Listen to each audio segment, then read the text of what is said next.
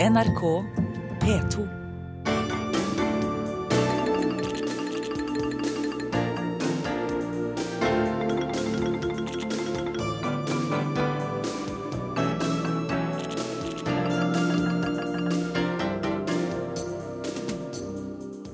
Kritisk for etniske grupper i Irak. Ebolaviruset sprer seg videre i Vest-Afrika. Det er en internasjonal helserisiko. Viktig avklaring fra borgermesteren i London. Nå har han bestemt seg for å ta en ny runde i parlamentet. I might as well be absolutely clear with, but in all probability, I will try to find somewhere uh, to stand in 2015. I denne sendinga får du også et portrett av mannen som leder Kinas kampanje mot korrupsjon. Nye opptak har dukka opp 40 år etter at Richard M. Nixon tok farvel med Det hvite hus. Vi ser på om det er utsikter til framgang i de internasjonale klimaforhandlingene, og korrespondentbrevet det kommer fra Tove Bjørgaas i USA. Jeg er en heldig gris. For andre gang har jeg flyttet inn på NRK-kontoret i åttende etasje her på M Street midt i Washington.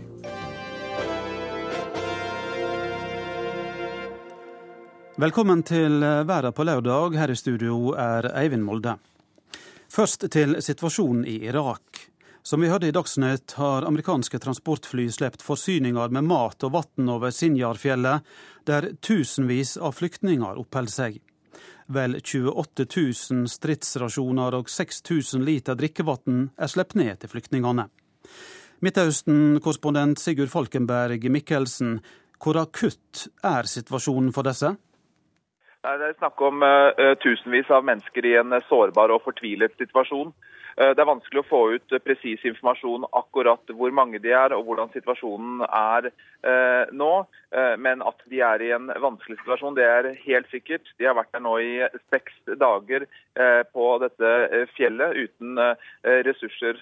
nå har de vært to runder med amerikanske fly som har Eh, eh, har sluppet ut eh, pakker med mat og vann, men det er helt uklart hvordan, hvordan det har nådd fram, og om det, har, om det, fortsatt er like ille der som det var før disse amerikanske flyene slapp mat og, og drikke ned.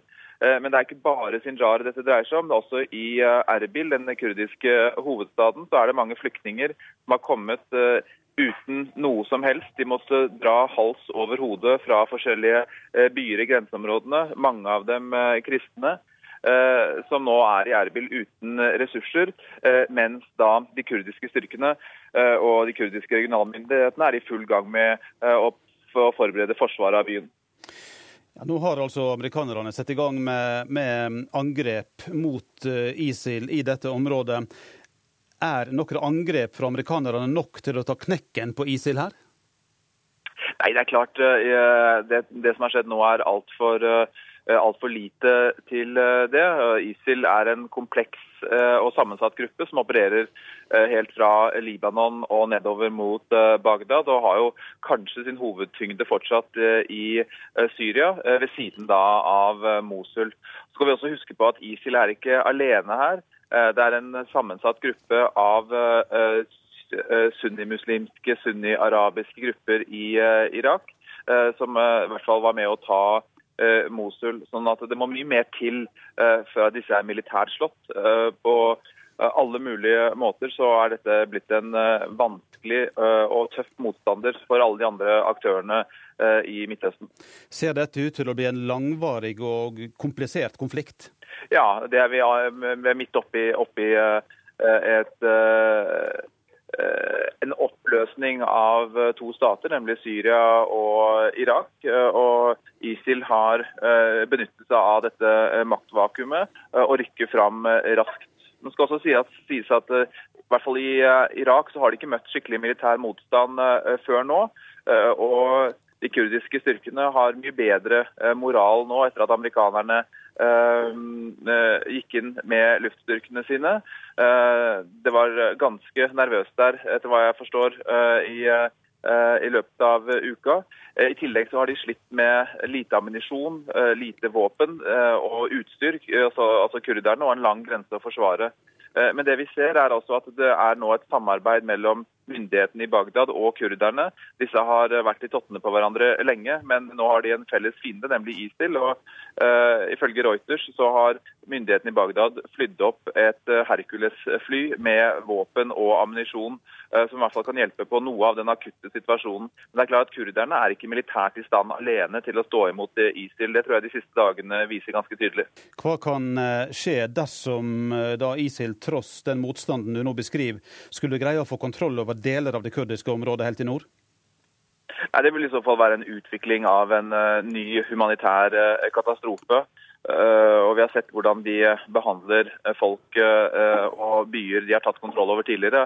Og kurderne, som er de eneste i Irak som virkelig har stått imot dem, vil, kan ikke vente seg noen nåde. og Det tror jeg alle kurderne vet. sånn at Det gjør jo også at, at kampen er så Eh, er så hard der oppe. Men jeg tror eh, ikke eh, det kommer til å skje.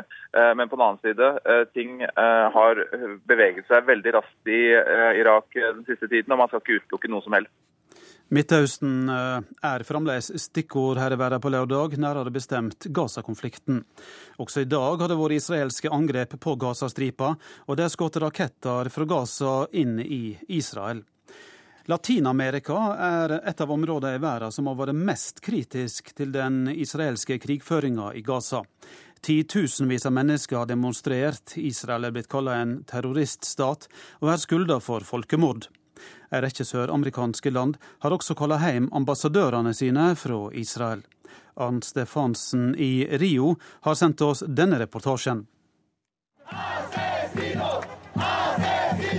Morder morder, roper tusener av mennesker som har samlet seg foran den israelske ambassaden i Chiles hovedstad Santiago.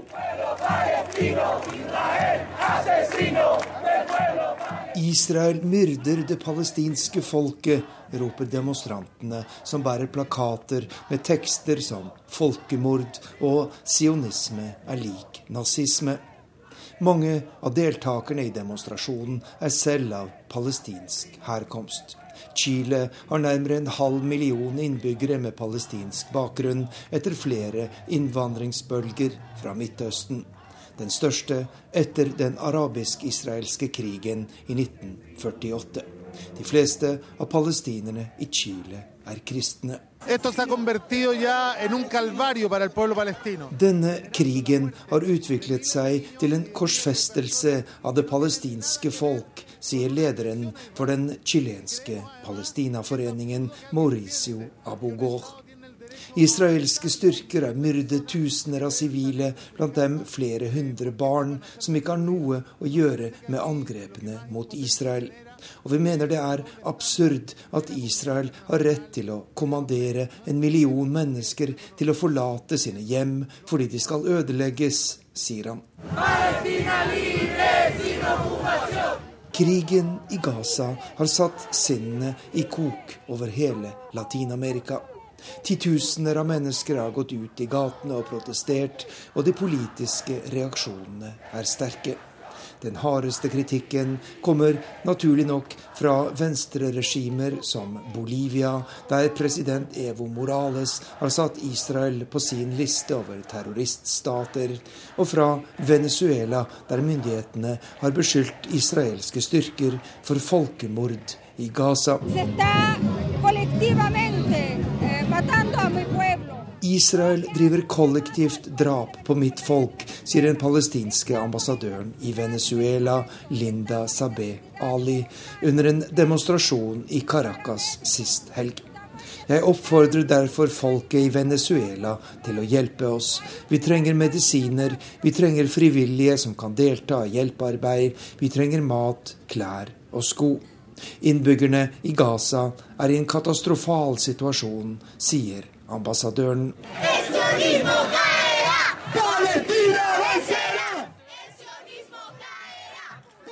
Men også i land med mer moderate regjeringer, som Chile, Brasil, Argentina, Uruguay og Peru, har kritikken mot Israel vært massiv. Sjelden har landene i Latin-Amerika stått så samlet i synet på en internasjonal konflikt, og en rekke land har kalt hjem sine ambassadører fra Israel i protest mot krigshandlingene.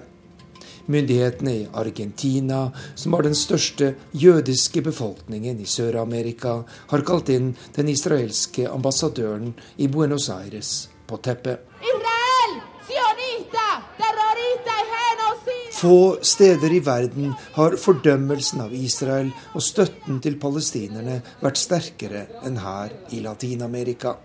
Av de store landene i regionen er det bare Colombia som har vært forsiktig i sin kritikk av israelske myndigheter. Hva er årsaken til dette? Den chilenske venstrepolitikeren Daniel Jadou, som deltar i en demonstrasjon foran USAs ambassade i Santiago, har følgende forklaring.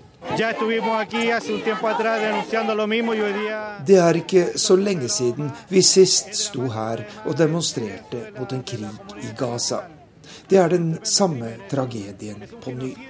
En overmektig militærmaskin som angriper en nærmest forsvarsløs befolkning, og som har verdens mektigste land i ryggen. Det er derfor så mange her i Latin-Amerika protesterer. Vi er selv blitt tråkket på av denne supermakten, og vi føler en sterk solidaritet med palestinerne, fordi vi vet hva det vil si å bli undertrykket, sier han.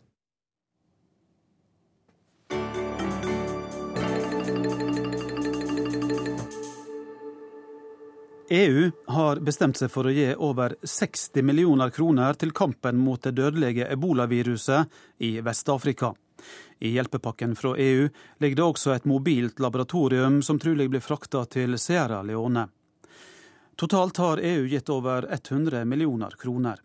Også USA stiller opp med penger. Dette viruset det spreier seg nå videre i Vest-Afrika, og i Liberia, Guinea og Sierra Leone har nå over 960 mennesker mistet livet. Verdenshelseorganisasjonen mener utbruddet utgjør en internasjonal helserisiko. På en parkeringsplass i Guineas hovedstad Conakry har en mann kollapset. Han forsøker å reise seg, men finner ikke kreftene. Ingen gjør noe forsøk på å hjelpe ham. I det ebolarammede landet er frykten for smitte stor, og ingen tar sjansen på å nærme seg mannen. Jeg ringte politiet da jeg så ham. De lovte å ringe legene, sier en lokal mekaniker. Over fire timer tok det før mannen fikk hjelp. I Liberia setter soldater opp veisperringer som hindrer tilgang til noen av de hardest rammede områdene. Her er situasjonen så alvorlig at de har erklært unntakstilstand. I de verste tilfellene dør ni av ti smittede, men i dette utbruddet ligger dødsraten på 55-60% Viruset fører til kraftig feber og etter hvert svekket nyre- og leverfunksjon. I noen tilfeller fører den også til kraftige blødninger. Kampanjer for å informere folk om viruset, som smitter gjennom kroppsvæsker, er noen av tiltakene som er satt i gang. Men det er ikke nok. Viruset ser ut til å spre seg så raskt pga. frykt, sier en britisk lege. Folk flykter fra legene i stedet for å ta legens råd, fortsetter han. Mistenksomhet og skepsis er blant de største utfordringene som helsearbeiderne møter på. Bare de ser meg skjelve, tenker de at det er ebola og plasserer meg med andre smittede folk, sier en mann med sykdomssymptomer. Så hvis jeg ikke har ebola, vil jeg få det, fortsetter mannen, som heller behandler seg selv hjemme. Nærmere 1000 mennesker har så langt mistet livet i det som er historiens verste utbrudd.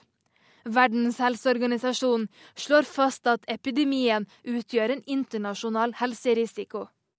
Sa reporter Maria Abdli. Vi har nå med oss Afrikakorrespondent Sverre Tom Radøy. Og hva gjør afrikanske land som ikke er rammet av dette, for å unngå at eh, smitten skal nå dem? Litt avhengig av uh, hvor nær kontakt landene har med sære, særlig Sierra Leone, Guinea og Liberia. Flere arrangementer uh, er avlyst med deltakere fra disse vestafrikanske landene. Um, flypassasjerer sluses i egne mottakshaller når de um, kommer til andre land, undersøkes. Flypersonell går med smitteverndrakter uh, som en del av utstyret i flyene. Mugabe fra Zimbabwe har kalt hjem FN fredsbevarende styrker fra Zimbabwe, um, som er i området. Og kampen mot terror, mot Al Shabaab i Somalia, svekkes med flere hundre mann, en halv bataljon fordi Den afrikanske unions uh, tropper ikke tar inn soldater fra Sierra, Sierra Leone lenger. Så slik er uh, tiltakene, samtidig som 600 000 flasker nå med klorin er delt ut i de områdene som er hardest rammet. Hvordan blir sykdommen forklart? Ja, altså Unicef er veldig bekymret for dette, at, at rykter og overtro skal føre til at folk da gjør de, gjør de, gale tingene, slik som vi kjenner fra kampen mot aids. Og denne presidenten, Ellen Johnson uh, Sirleaf uh, i Liberia, Norge kjent som fredsprisvinneren, hun sier at denne sykdommen kommer til å spre seg. Hvis den gjør det, så er det pga. fattigdom og uvitenhet. Uh, det har med kroppsvæsker å gjøre, så hygiene er viktig. Og uvitenhet bl.a. fordi myter spres gjennom prester og småkonger og andre eh, folk som, som, man stoler på. Eh, de kommer da med vidunderkurer som salte bad og eliksirer, istedenfor å gjøre skikkelig rent og holde avstand og tilkalle hjelp når man, når man tror at man selv eller andre er smittet. Verdenshelseorganisasjonen sier nå at dette, dette er en internasjonal helserisiko. Hva betyr det? Ja, Det kan bety mye. Fordi eh, det kan bety masse penger og personell. At de kan strømme til områdene, og det trengs. Eh, ellers så mener jo også enkelte observatører her at Verdens helseorganisasjon slår Eh, på en litt for stor tromme denne gangen. For det er eh, ikke registrert mer enn ca. 1000 eh, eboladøde tross alt. Og selv om viruset da dreper mellom 40 og 90% og har et forferdelig potensial, så tar altså malaria livet av ett barn i Afrika hvert 30. sekund. Det er én million barn i år under fem år som dør av sykdommen på, på dette kontinentet. En eh, ebolamedisin har de siste dagene vært testa på to amerikanere. Hvordan eh, går det med de forsøkene? Det er ingen som, eh, så vidt vi har registrert, som har tro på at disse medisinene kommer til å komme nå og hjelpe noen. Eh, men det som virkelig slås opp i avisene her, det er heltehistorier om sykehuspersonale som ofrer livet for å hjelpe andre. Eh, Sierra Leone nå, har nå fått en ny folkehelt, erklært folkehelt, for landets fremste ebolalege, sjeik Omar Khan. Han døde døde selv av viruset i forrige uke.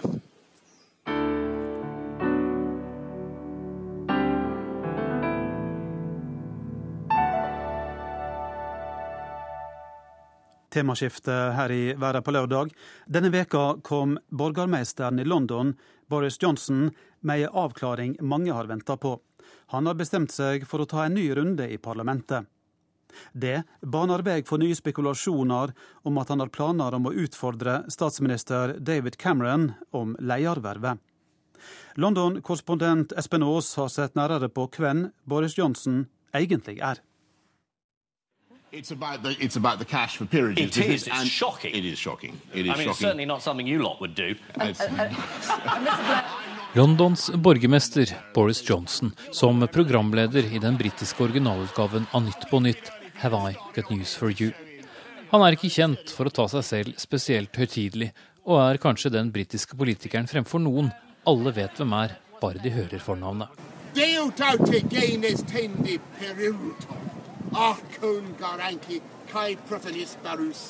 Her fremfører den samme borgermester Boris et ode til de olympiske leker, på gresk, i forbindelse med London-OL, og gresk kan han. Den privilegerte diplomatsønnen har bakgrunn fra eliteskolen Eton College utenfor London, og senere Oxford-universitetet, hvor han studerte de klassiske fagene. Til tross for denne tilsynelatende snobbete og lite folkelige bakgrunnen, har han klart å tilegne seg en enorm folkelig appell. Når Boris kommer syklende til borgermesterkontoret ved Tower Bridge i London, noe han gjør til stadighet, ropes det og vinkes. Boris, Boris. Sykkel er forresten en av hans store lidenskaper. Londons bysykler heter på folkemunne Boris Bikes. You wouldn't run for parliament? No. I want to be mayor of London. You will never run for parliament again? I think that's now the sixth or possibly the seventh time you've asked me that question, and the answer is no.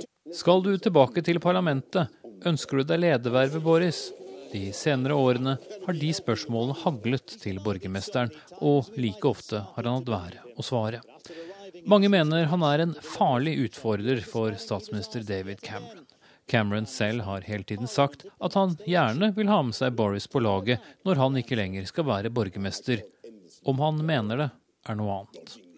Spekulasjonene om Boris' retur til rikspolitikken var på sitt høyeste under det forrige landsmøtet til de konservative. Da NRK og et kobbel andre journalister møtte borgermesteren, svarte han slik på spørsmålet om mulighetene for at han ville bli partileder.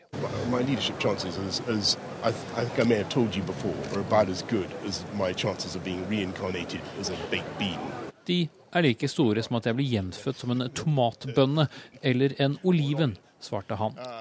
Men etter å ha fortsatt svare slik, skjedde det noe da Boris skulle ha et foredrag om Storbritannia og EU nylig. I might as well be absolutely clear with you. In all probability, I will try to find somewhere uh, to stand in 2015. I, it, is, it is highly likely that I will be unsuccessful in that venture, by the way. Og de politiske redaksjonene her i London eksploderte nærmest i ekstase. Endelig kom bekreftelsen de har ventet på. Spekulasjoner om alt fra at han nå kommer til å bli næringsminister i den neste regjeringen, til at han ville utfordre David Cameron, har haglet. Men ennå har han ikke noen plass som venter i Westminster. Skjønt eh, en partifelle har tilfeldigvis, eller ikke så tilfeldig, trukket seg fra sin sikre plass i valgkretsen Uxbridge and South Ruslip i Nordvest-London. Det kan bli Johnsons mulighet. En av de lokale klesbutikkene selger nå ja eller nei til Boris-T-skjorter, og de går bra. First off, the no's were selling two to one to the yeses, but the yeses have caught up. We've done about 53 no's and about 45 yeses, so he's, up. Folk i bydelen er delt. Boris Johnson for MP. I think it'd be fantastic. Yeah? Yeah. Why? No, I just think he's a great character and uh, cares about. Som de også er i partiet. Mange er redd for at han er for useriøs og klovnete til å kunne bli en leder eller sågar statsminister. Men bak det tilsynelatende upretensiøse og fleipende ytre finnes en mann med sterke ambisjoner og sterke politiske meninger. Under det forrige landsmøtet var han krystallklar på ønsket om å få en slutt på koalisjonen med liberaldemokratene.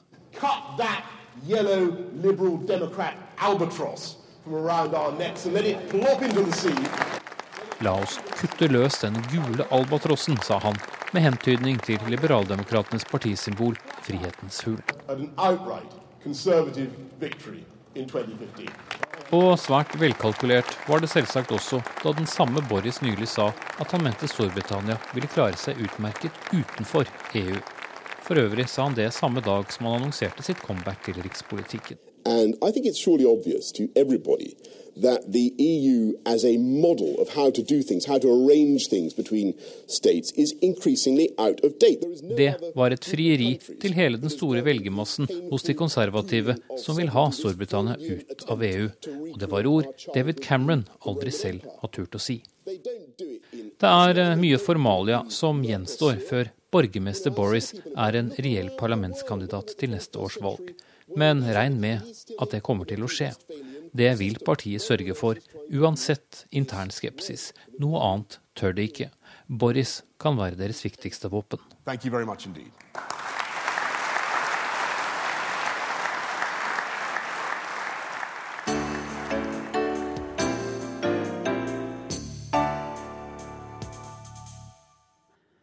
Wang Chisan har ingen barn.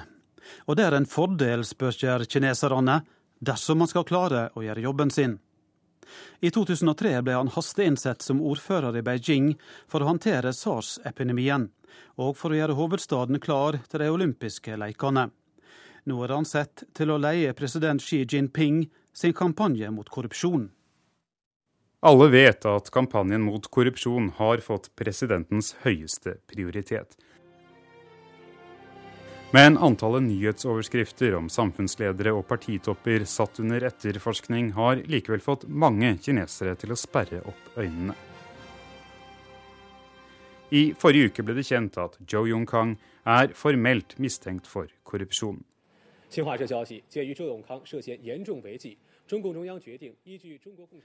Den fryktede Joe Yong-kang ledet Kinas hemmelige politi og var medlem av politbyråets stående komité. Ikke i Folkerepublikkens historie siden opprettelsen i 1949 er det innledet etterforskning av et så høyt rangert partimedlem. Mannen med ansvaret er den 66 år gamle Wang Chi-san. Jeg vil beskrive ham som en uh, seriøs person, meget interessert i det som skjer vitebegjærlig, og han var en man of action, altså en duer eller en mann, la meg si det slik, som fikk ting til å skje. Så jeg var eh, imponert over eh, samarbeidet med ham. Gerhard Heiberg kjenner Wang Chi-san fra arbeidet med OL i Beijing, og er den høyest rangerte partitoppen i Kina som Norges IOC-topp har hatt hyppig kontakt med. Jeg mener han er åpen, han er villig til å lytte. Eh, han, og jeg har sagt han er etter min oppfatning uredd, og det kommer også godt med. Så jeg følte da han ble utnevnt til denne stillingen at her hadde man funnet den rette mann. Han er ambisiøs. Og ikke minst det også betyr at han er nødt til å skape resultater, og det tror jeg han har gjort og gjør for tiden. Wang Chisan er født i 1948, utdannet historiker, og en av grunnene til hans raske karriere er at han giftet seg med datteren til partiveteranen og tidligere viseminister Yao Ili. En annen av grunnene skal være at Wang Chisan sa hva han mente, og ikke hva han trodde andre ville høre. Mange ble skuffet da president Xi Jinping ga Wang Qisang ansvar for partidisiplin og antikorrupsjonsarbeid. Mange, både i Kina og verden, mente han med fordel kunne få den formelt høyere rangerte finansporteføljen i politbyråets stående komité. Dette var tross alt mannen som fikk i oppgave å styre Kina gjennom finanskrisen i 2008. Men etter at det nå er innledet etterforskning mot nesten én million partimedlemmer, blant dem 39 personer med viseminister eller høyere rangering, er det få som er i tvil om at valget av Wang Chi-san var nøye gjennomtenkt. I året som er gått, har mange lurt på om Wang Chi-san virkelig ville ha mot til å innlede etterforskning av det tidligere politbyråmedlemmet Joe Yung-kang, og dermed sette til side en uskrevet regel om at politbyråets medlemmer ikke skal røres. Gerhard Heiberg er egentlig ikke overrasket. Jeg er ikke det, fordi det går tilbake til landets president Xi Jinping, som har eh, sagt at uansett eh, hvor høyt eller lavt folk måtte være i hierarkiet, så eh, vil han ikke se noe korrupsjon. Og da har han ut ifra sin erklærte politikk satt på Wang Chisan til å rydde opp i dette, så jeg er ikke overrasket over at han da utfører det som landets president gjerne ser utført. Og der tror jeg at Wang Chisan er lojal og gjennomfører det han mener er riktig, og som han er blitt bedt om å gjøre av landets president. I likhet med tidligere kampanjer blir denne kritisert for mangel på åpenhet, og mange kinesere ser ennå kommunistpartiets disiplinærkommisjon først og fremst som et redskap til å fjerne politiske motstandere.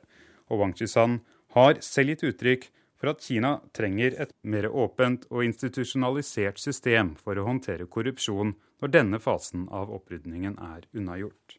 Han har jo beveget seg en del i USA og fått med seg en del synspunkter på åpenhet. Så øh, når han sier dette, så tror jeg han mener det. Men selvfølgelig betyr det at hele systemet også må gjennomsyres av det, og at the standing committee må stå for det. Men uh, han som person tror jeg mener at åpenhet er viktig i dette, og vil kjempe for det. Imens kineserne venter på signaler fra Wang Chisan om at de er ferdig med den første fasen av opprydningen, er det mange som venter med å søke medlemskap i kommunistpartiet. Til tross for alle de karriere- og inntjeningsfordeler som normalt er forbundet med partiboken, i verdens største politiske parti. Og de spøker også om hvorfor denne resolutte mannen er valgt til jobben han har nå. Han har ingen barn, og dermed heller ingen som er blitt litt for tilgodesett pga. sin far. Ja, det tror jeg er helt riktig. For da har du ikke noe barn å måtte ta hensyn til, for å si det litt dumt. Så, så jeg kan godt se at uh, det i denne, dette tilfellet kan være en fordel. Det sa eh, Gerhard Heiberg, for øvrig på vei til ungdoms-OL i Kina. Reporter var Philip Lote.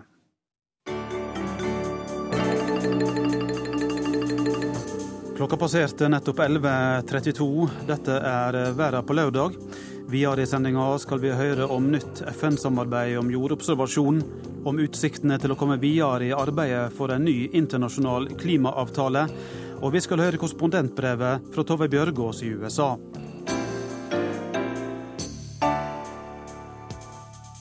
Men nå om Richard Nixon. I dag, 9. august, er det 40 år siden Richard M. Nixon tok sin hatt og flaug vekk fra Det hvite hus. I dagene før hadde han blitt pressa stadig hardere. Spikeren i kista, som han sjøl kaller det i et intervju som aldri før er vist offentlig, var publiseringa av et lydbandopptak fra Det ovale kontor. We talked about everything but uh, what Tricia has called, quote, the subject, end quote. Uh, we talked about movies that uh, Julie had seen with David. Richard Nixon snakker om den fatale dagen da alt gikk i stykker, 5. august 1974. Om hvordan familien bestemte seg for å ta en siste tur med president Yachten Sequoia, at de om bord snakket om alt annet enn det som bare hadde blitt døpt tema. Og temaet var et lydopptak fra presidentens kontor, et lydopptak som var offentliggjort tidligere på dagen. Vi hører president Nixon og hans stabssjef HR Holdermann. Det er seks dager siden det som kalles Watergate-skandalen begynte. Watergate, hovedkvarteret til Det demokratiske partiet, bygningen der folk med forbindelse til presidentens folk ble arrestert etter et innbrudd. Et innbrudd Holdemann og Nixon blir enige om å dekke over ved å late som det var en CIA-operasjon. Vi skal snart høre presidenten si all right, fine, og med det implisere seg i en kriminell sammensvergelse.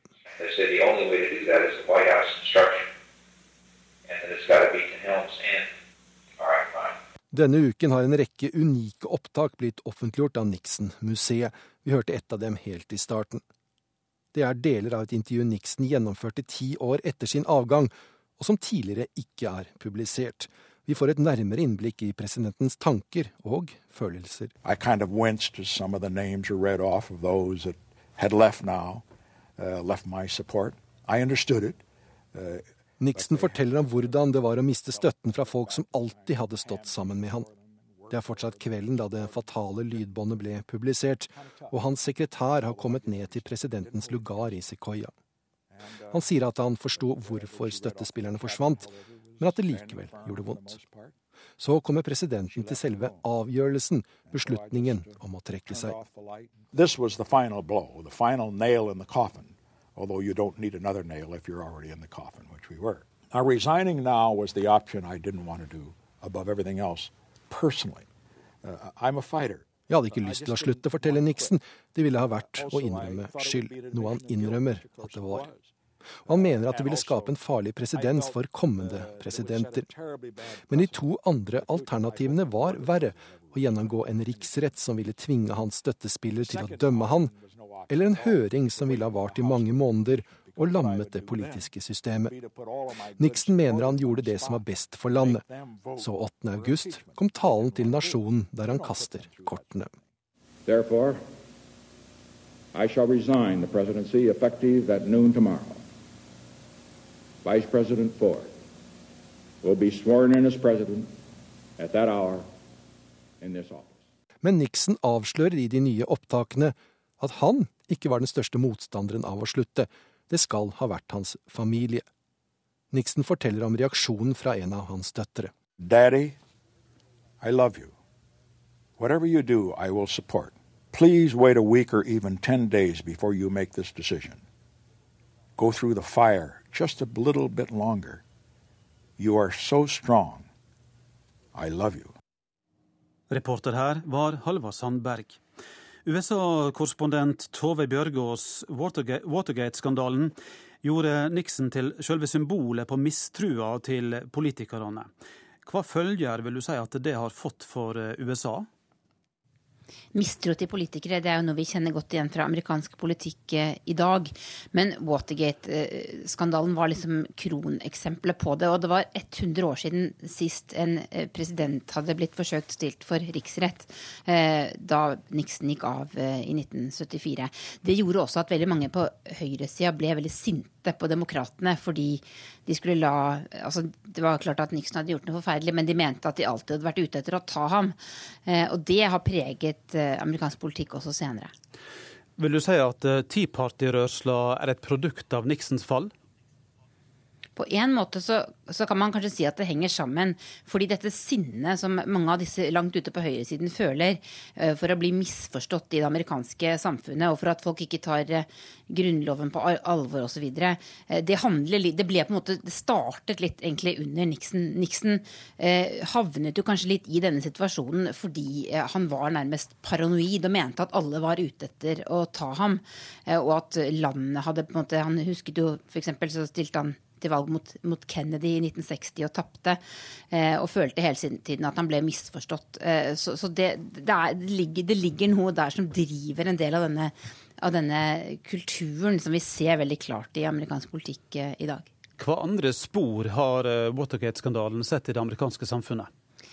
Det har satt mange spor. Det har satt fokus på, på, penger i politikken og hvordan man skal forsøke å begrense pengemisbruk i kampanjer f.eks., der man ikke nådd så veldig langt.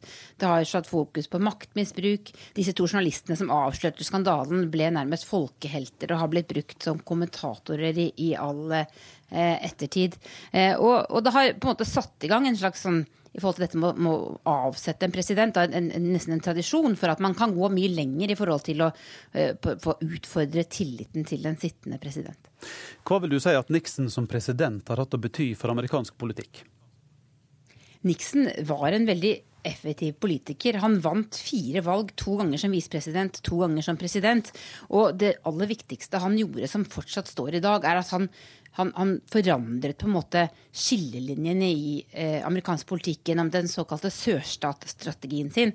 Han klarte å få mange konservative hvite i 1968 til å stemme på seg, eh, og splittet dermed eh, det demokratiske partiet. Eh, det, det, førte til at, at, at, Det demokratiske partiet ble mer et parti der, som mange av de svarte stemte på. Eh, Nixon eh, klarte å få med seg de hvite fordi mange av de i sør var imot borgerrettskampen og, og disse eh, Johnsons eh, eh borgerrettslover som hadde blitt vedtatt på 60-tallet. Og dette her brukte eh, Nixon veldig effektivt. Og slik sett så, så, bygget han på en måte grunnsteinen for det nye republikanske partiet som vi så under Reagan-revolusjonen i 1980. Eh, da, da, da, på en måte republikanerne fikk et helt annet fotfeste i sørstatene enn de tidligere hadde hatt.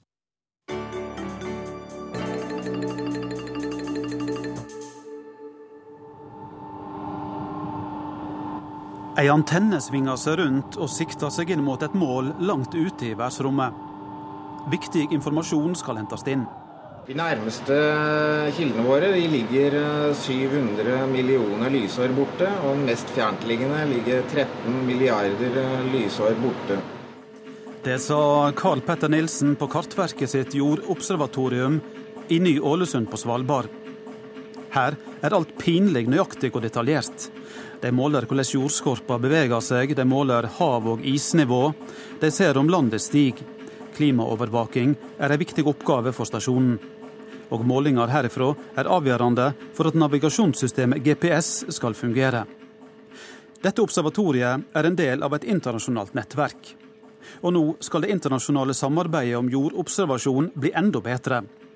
Denne veka har temaet nemlig stått på dagsorden i FN-hovedkvarteret i New York. Ei arbeidsgruppe har i høst utarbeidet forslag til en resolusjonstekst, og onsdag godkjente en ekspertkomité i FN dette forslaget. Utsendinger fra 90 land har deltatt i diskusjonene om saka denne veka.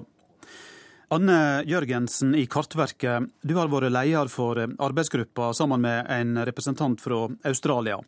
Hvorfor har FN nå begynt å interessere seg for dette med jordobservasjon eller geodesi? Jo, det er sånn at eh, Geodetisk jordobservasjon er viktig for alle land, og det er en global utfordring. Eh, så kun et økt internasjonalt samarbeid kan dra dette videre. Eh, for i dag er arbeidet basert på frivillighet og dugnad, egentlig, noe som gjør det mer sårbart. Dette er jo eh, rent teknisk ganske kompliserte saker. Opplever du at eh, FN-folka som nå blir involvert i dette, forstår hva det egentlig dreier seg om?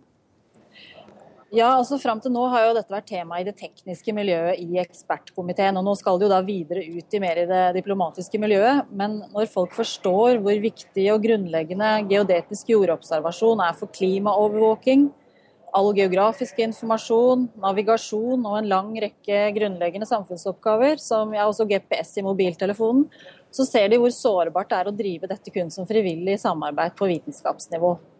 Hvordan har eh, responsen vært denne veka i New York?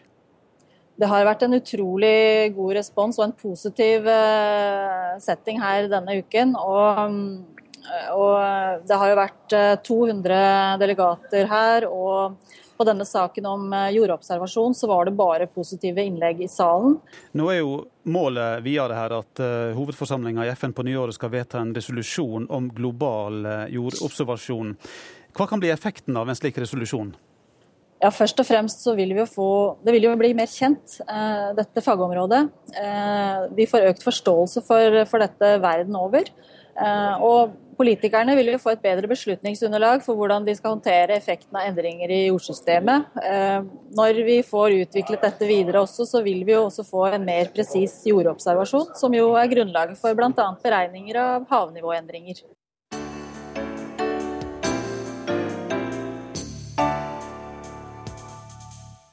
Vil eh, verden komme nærere en internasjonal klimaavtale denne høsten? De nærmeste månedene skal det iallfall holdes viktige møter, der nettopp det er målet. Prosessen fram til nå har som kjent gått tregt. Too much uh, uh, promises and all that things, not just to the point. We just need the kick, we need the action. A universal climate agreement is within our reach.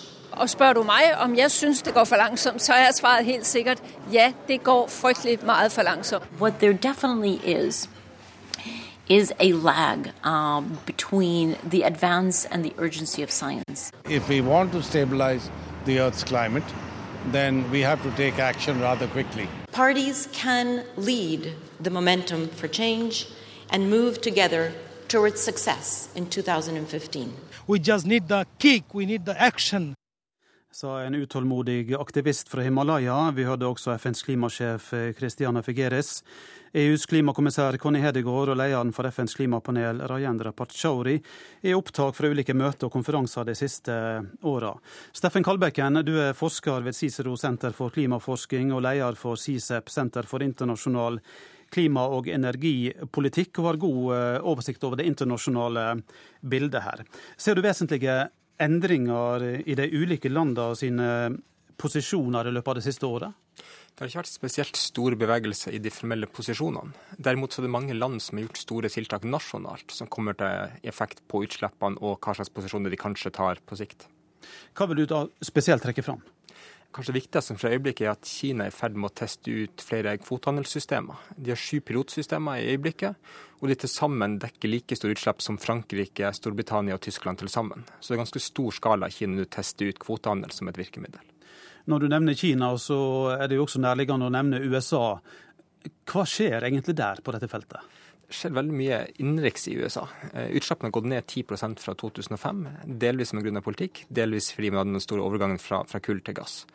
Obama er også i ferd med å innføre nye regler for uh, utslipp fra kraftverk, der man ønsker å kutte utslippene med 30% fra 2005 fram til 2030. Vi snakker jo en god del om USA og Kina, men hva andre land som vi kanskje hører mindre om, uh, er det som kan påvirke prosessen?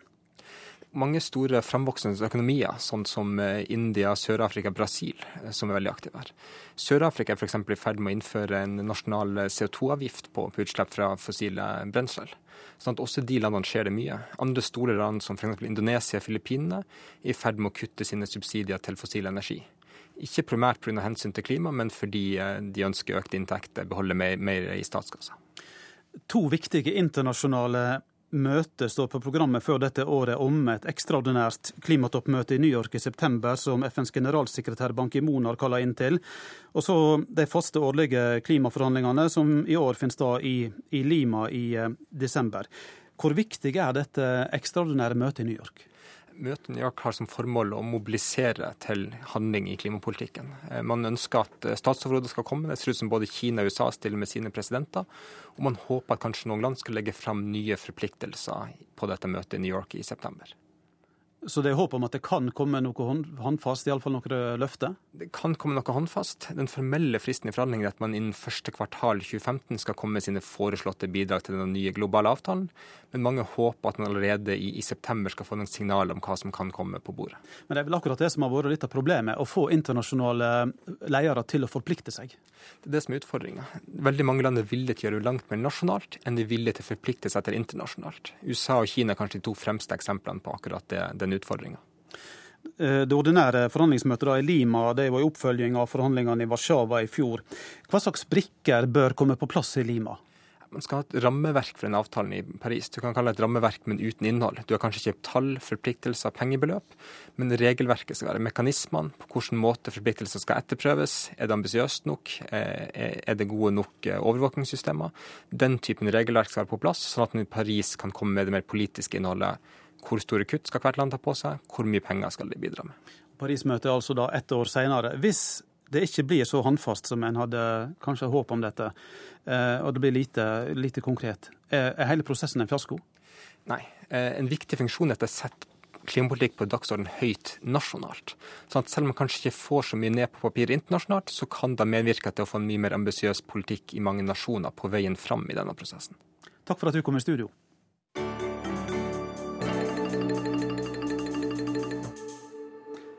Da er det tid for korrespondentbrevet her i verden på lørdag. Det kommer denne gangen fra Washington DC, der Tove Bjørgaas blir kjent med sin gamle heimby på nytt. Jeg er en heldig gris. For andre gang har jeg flyttet inn på NRK-kontoret i åttende etasje her på M Street midt i Washington. Det er naturligvis verdens beste jobb å formidle inntrykk og nyheter fra Amerika hjem til Norge. Men jeg er bare griseheldig med timingen denne gangen. For guess what? Denne uka klatret denne, min andre hjemby, lille sedate Washington DC, helt til topps i en konkurranse. Folk her er ikke så vant til å vinne kåringer. I andre deler av USA er Washington nærmest et skjellsord. Han har tilbrakt for mye tid i Washington. Washington har ødelagt henne, sier de f.eks. om presidentkandidater. 15% av amerikanerne synes politikerne her i byen er til å stole på, viser en fersk meningsmåling. Men så, midt i denne misæren, dukker den opp, kåringen ingen hadde trodd hovedstaden skulle vinne.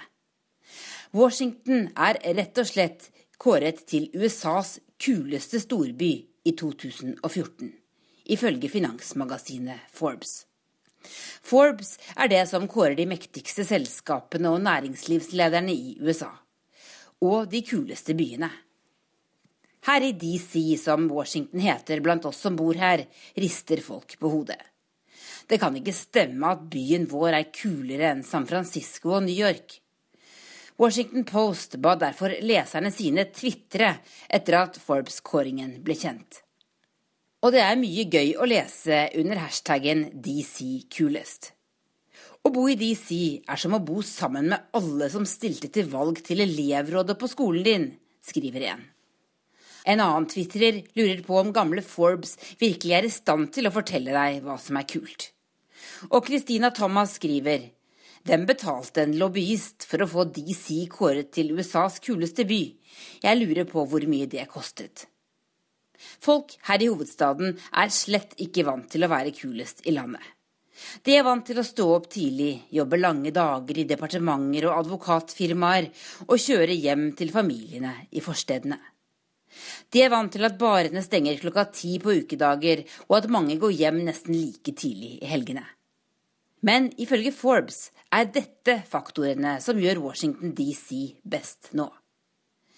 Her er stor netto tilflytting, og mange innbyggere mellom 20 og 34 år. Det er visstnok den kuleste alderen en kan ha. Her er bred etnisk sammensetning og god tilgang til kortreist mat, mikrobryggerier og restauranter som ikke tilhører store kjeder. Fra vinduet mitt her i åttende etasje er utsikten kjent. Men også den er i ferd med å forandre seg. Det rødbrune bygget på den andre siden av gata er under riving.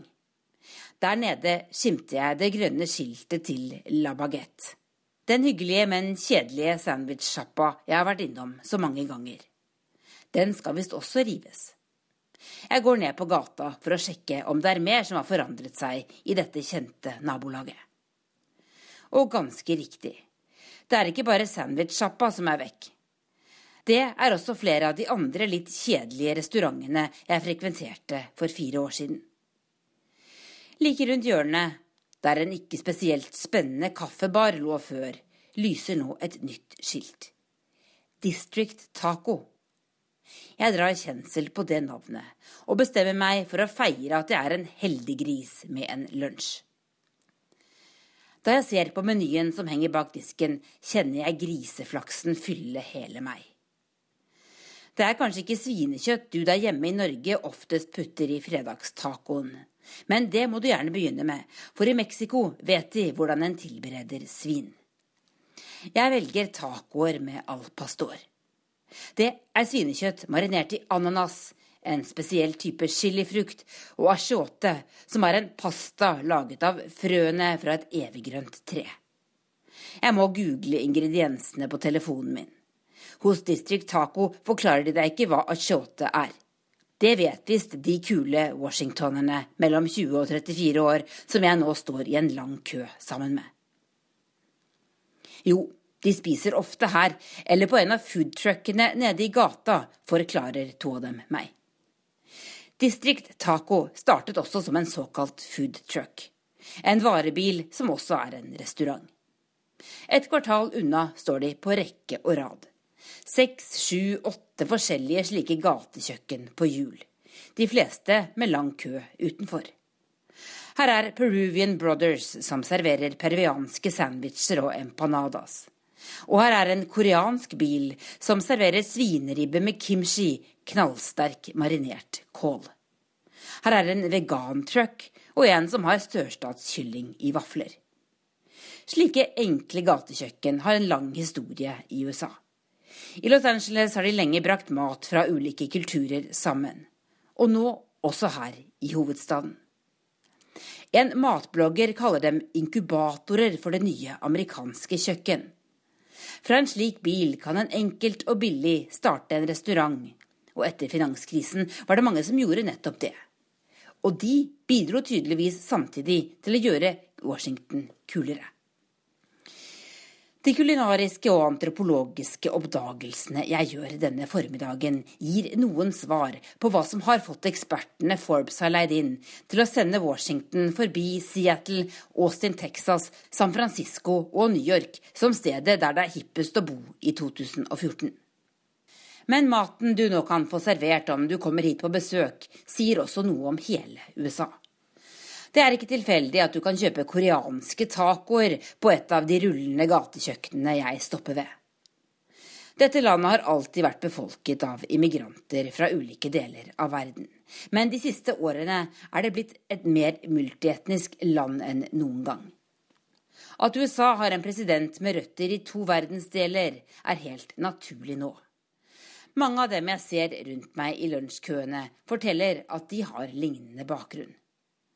Ghana og Mexico, Korea og Frankrike, India og Kapp Verde-øyene. Dette er det nye USA som du vil få høre mer om i månedene og årene som kommer. Den unge millennialgenerasjonen, de som er yngre enn 34 og visstnok definerer hva som er kult, utgjør 36% av arbeidsstyrken her nå. I denne generasjonen har en fjerdedel bakgrunn fra Latin-Amerika og 13% fra Asia. Et stort flertall av disse igjen har foreldre som er født utenfor USA. Det er denne generasjonen som nå flytter hit til Washington og er med på å endre byen. Det er spennende og skremmende for noen. Akkurat nå er de fleste opptatt av hva USA skal gjøre med alle immigrantene som er her ulovlig. Og alle barna som strømmer over grensen fra Mexico alene. Det blir utvilsomt mange reportasjer om utfordringene ved innvandringsbølgen i tida framover. Kanskje passende akkompagnert av tacos fra min nye meksikanske favorittrestaurant, og kanskje til og med av den 100% avhengighetsskapende kaken Tres Leches, som jeg allerede har spist tre stykker av denne uka. Jeg klarer ikke å forklare helt hvordan den er laget. Men det er et slags sukkerbrød dynket i en karamellisert vaniljesaus og toppet med marengs. Som du skjønner, Fristelsene står i en endeløs kø. Det er bare å beherske seg. Og det gjør selvsagt de unge, tidligere elevrådslederne som utgjør de kule her i byen. De unge millennialerne er forsiktige med penger og utskeielser, for arbeidsmarkedet er ikke det beste. De spiser små porsjoner, de løper halvmaraton og trener yoga. De handler kortreiste grønnsaker på bondens marked og bruker bilkollektivet Zipcar i stedet for å eie egen bil. Fedme er likevel folkesykdom nummer én i dette landet fortsatt. Men for første gang på flere tiår stappet amerikanerne i fjor i seg færre kalorier enn året før. Millennialgenerasjonen bidro trolig sterkt til dette framskrittet. For de av dem som kommer hit til byen med høy utdanning og store ambisjoner, spiser altså langt sunnere enn gjennomsnittsamerikaneren. Selv er jeg ikke verken spesielt kul eller spesielt sunn. Ikke spesielt ung lenger heller, visstnok. For ikke å komme helt skjevt ut i det nye kule Washington, har jeg innimellom rapportering og reportasjeplanlegging denne uka funnet veien tilbake til mitt gamle treningssenter. Der har en kostholdsrådgiver fortalt meg at jeg bør holde meg langt unna både taco og kaker med vaniljesaus. Heldigvis er noe av det andre som gjør Washington til et attraktivt sted å bo, at du kan jogge langs flotte turstier, leie kajakk på Potomac-elva og gå lange turer i den enorme skogen Rock Creek Park. Jeg gleder meg til å bli kjent med min andre hjemby på nytt i løpet av de neste tre årene her. Og med ukas overraskende seier til Washington DC burde forutsetningene være de aller beste. Da er denne utenrikstimen i P2 straks slutt. Teknisk ansvarlig Lisbeth Sellereite. Skript Lars Christian Rød. Og her i studio Eivind Molde. Hør flere podkaster på nrk.no podkast.